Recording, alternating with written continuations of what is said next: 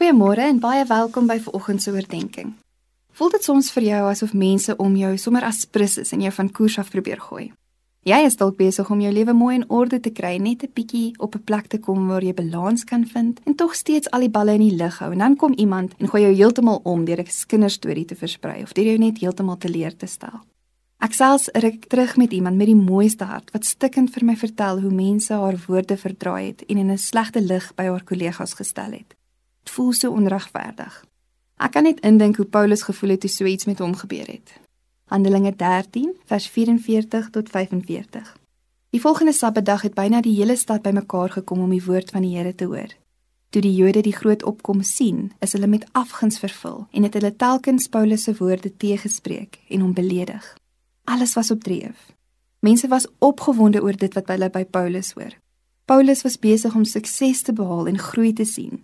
Hy was nogal op 'n geestelike hoogtepunt. En toe kom hierdie groep Jode wat mens eintlik sou verwag het beter moet optree en sê vir Paulus en sy werk sleg. As mens verder in die hoofstuk lees, dan kan mens sien hoe Paulus dit hanteer. Eerstens het hulle vasgehou aan die feit dat God in beheer is en dat hulle deel is van 'n groter prentjie. Hulle het nie betrokke geraak in 'n slegsêery of bekleierery nie. Hulle het bloot die waarheid vermeld en aangegaan. Hulle het nie met gekweste egos rondgeloop nie, juis omdat hulle besef het dat hulle besig is met iets groter as hulle self. Hulle het nie gewag vir 'n verskoning nie. Hulle het herbesin en begin dink dat wat hulle volgende tree in God se wil is.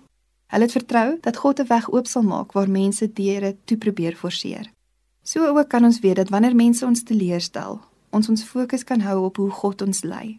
Wanneer dit voel asof dinge hand uitdruk soos wat mense agteraf plannetjies maak of sleg praat van ons, dan kan ons in kalmte en rustigheid vashou aan dit wat goed en reg en waar is.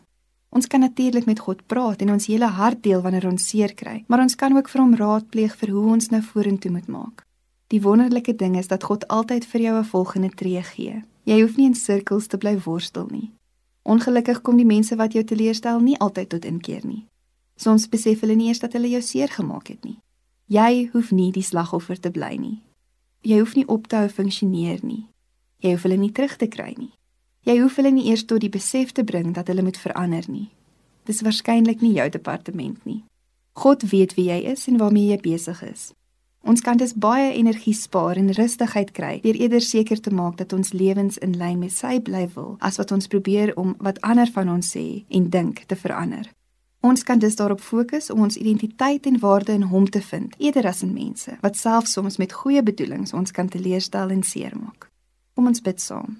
Here, dankie dat U ons nooit teleurstel nie en dat U ons deur en deur ken en liefhet. Amen.